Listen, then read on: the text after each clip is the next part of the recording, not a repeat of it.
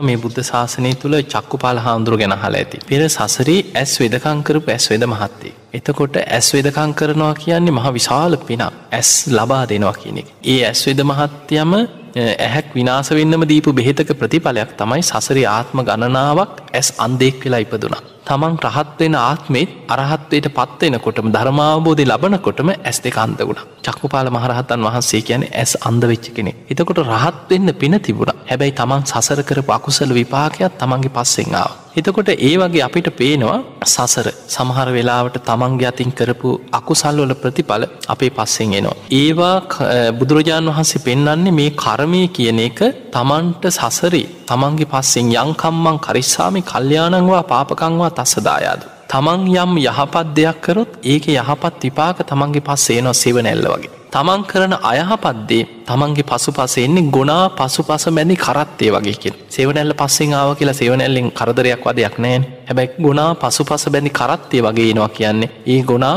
අර කරත්තය ඇදගෙන යන්නේ මොනතරන් දුකක් වේදනාවක් ඇතුවද. සසර දුක්ගැහැට විඳවිඳ විපාක විඳ විඳ අපි කරපු අකුසල් අපිට සසර ගෙවාගෙන යන්න වෙනවා. ඒ නිසා අපි සසර අකුසල් තමන්ගේ පස්සෙන් ආවට අපිට කුසල් බලින් ඒව යටපත් කරන්නත් පුළුවන්. ඒ නිසා අපි පුළුවන් තරම් උත්සාහ කරන්නට ඕනෑ දැන් ඇස් දන්දීම කියන එක. සසර බොහෝ විශාල පිනක් මේ ඇස් පේ නැතියට ඇස් දුරුවල වෙන අයට සමහර වෙලාටින උපතින් අන්දයි ඒ විතරක් නෙමේ ඇස් සමහරලාට හොඳට පෙනීම තිබිල කාලයක් යනකට ඇස් නොපෙනියන. ඊළඟට ශරීරය නොයෙක් මේ රෝගාබාධ නිසා හිටි ගමන් ඇස් පෙනීම නැතුව යනයි දැන් ඔයි සීඩී වගේ වැඩි වෙලා සමහරුට හිටිගමන් ඇස් පෙනීම දුරුවල වෙලා ඇස්පේ නැතුව යනයි. සමහ සමහරයට යම් කිසි අනතුරු ඇක්සිඩන්ට් එකක් මොනොහරි ඒවගේ හේතු මත සමලාට ඇස්පෙනීම නැතිවෙන. තකොට මේ වගේ නොයෙක් හදිසි අනතුරු නිසා රෝගාබාධ නිසා උපතින් හෝ යම් හේතුවක් නිසා හෝ ඇස්පෙනීම් නැතිවෙන්න පුළුවන්. හැබැයි අපි උත්සාහ කරන්නට ඕනේ සසරේ ඇස් ලැබීම පිණිස මේ මේ ඇස් දෙක පේන්න විතරක් නෙමේ එතනින් එහා ගිය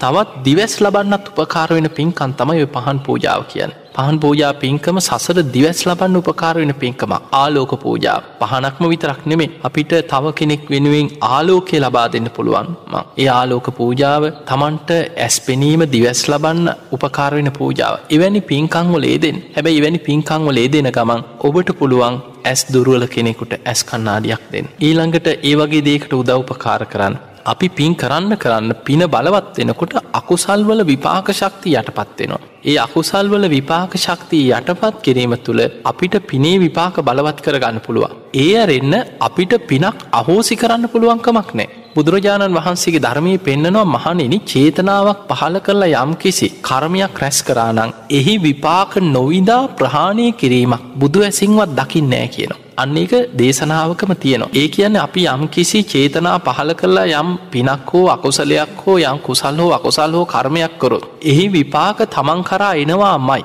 හැබැයි අපිට ඒ විපාක දෙන්න තියෙන පරිසරය අපි රහත් වනා කියන් විපාක දෙන්න පරිසරයක් නෑ අහෝසි කර්ම කියල කොටසක් අහල ඇතින සමහරුවක වරත් වැරදි විදිහට තේරුම් ගන්න. ඒ අහෝසි කර්මෝල සමහර හිතනවා මේ හොරකමක් කරපු කෙනෙ දානයක් දීපහම් මේ හොරකමට දානි කැපිලා යනවාද.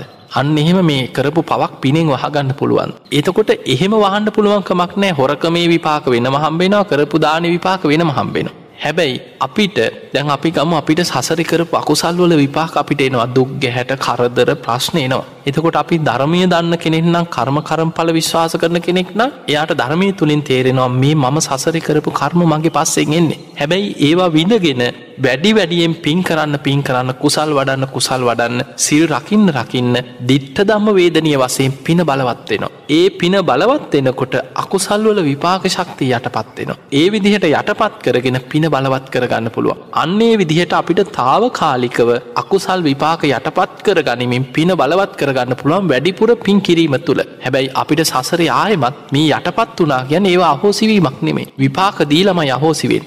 හැබැයි අපිට ඒවා යටපත් කරලා ඉක්මනින්ම නිවන්න අවබෝධ කර ගැනීම තුළ අන්න ඒවා අහෝසි කර්ම බවට පත් කරන්න පුළුව අහෝසි කර්ම කියන මෙන්න මේවදැන් අපි හිතමු කෙනෙක් සෝවාන් වුණ. සෝවාන් වනාට පස්සේ අපායගාමි අකුසල් සියල් අහෝසි වෙනවා. එයා සතරාපාය උපදින්න. ආත්ම හතකින් එහා විපාක දෙන්න තියෙන යම්තාක් අකුසල් ඇත්ද ඒ සියල් අහෝසි වෙනවා. ඉගෙන් නතේ බවන් අට්ටමං ආදියන්තිකෙන අටවෙනි භවයක උපතකට යන්න.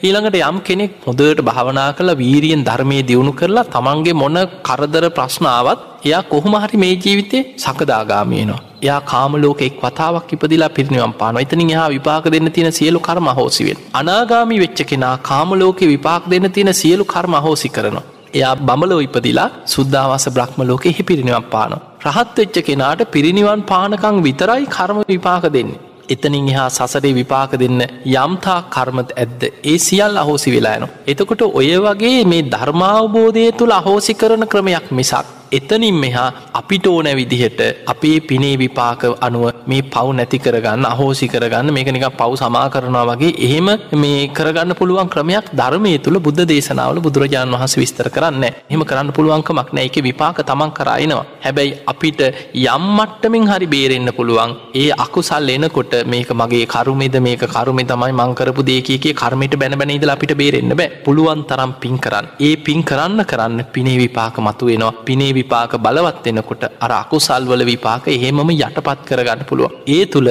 පුළුවන් තරං වීරියෙන් ධර්මාබෝධය පිණිස මහන්සි ගැනීම තුළ මේ කර්ම විපාක දෙන්න තියෙන පරිසරෙන් නැති කිරීම තුළින් තමන්ට නිවන කරාගිහිල්ලා මේ අකුසල්වලින් මි දෙන්න පුළුවන්කම තියෙනවා.